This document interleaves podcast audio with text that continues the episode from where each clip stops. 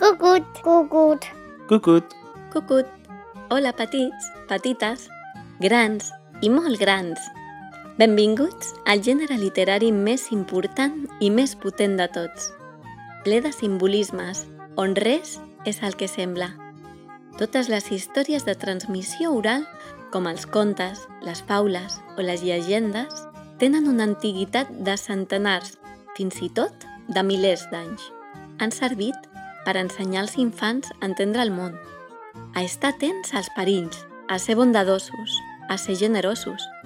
En definitiva, a ser grans personetes.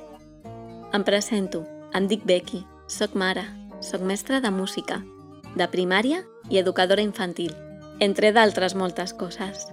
Els contes són camins simbòlics que els nens recorren per aprendre a ser adults. Els llops, les velles, les guineus, el bosc, les ovelles, els trolls, un castell, els follets i fins i tot els dracs, totes aquestes figures són simbòliques i ens les trobem al llarg de la vida. Qui no s'ha trobat un llop disfressat per enganyar-nos?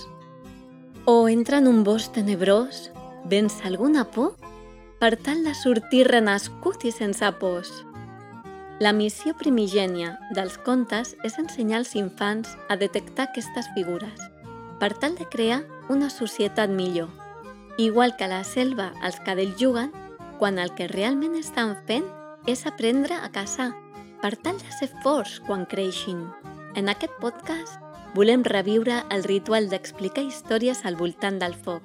Li donarem vida a les llegendes locals o d'un paisatge, paules més antigues que l'escriptura i, com no, també a contes de sempre.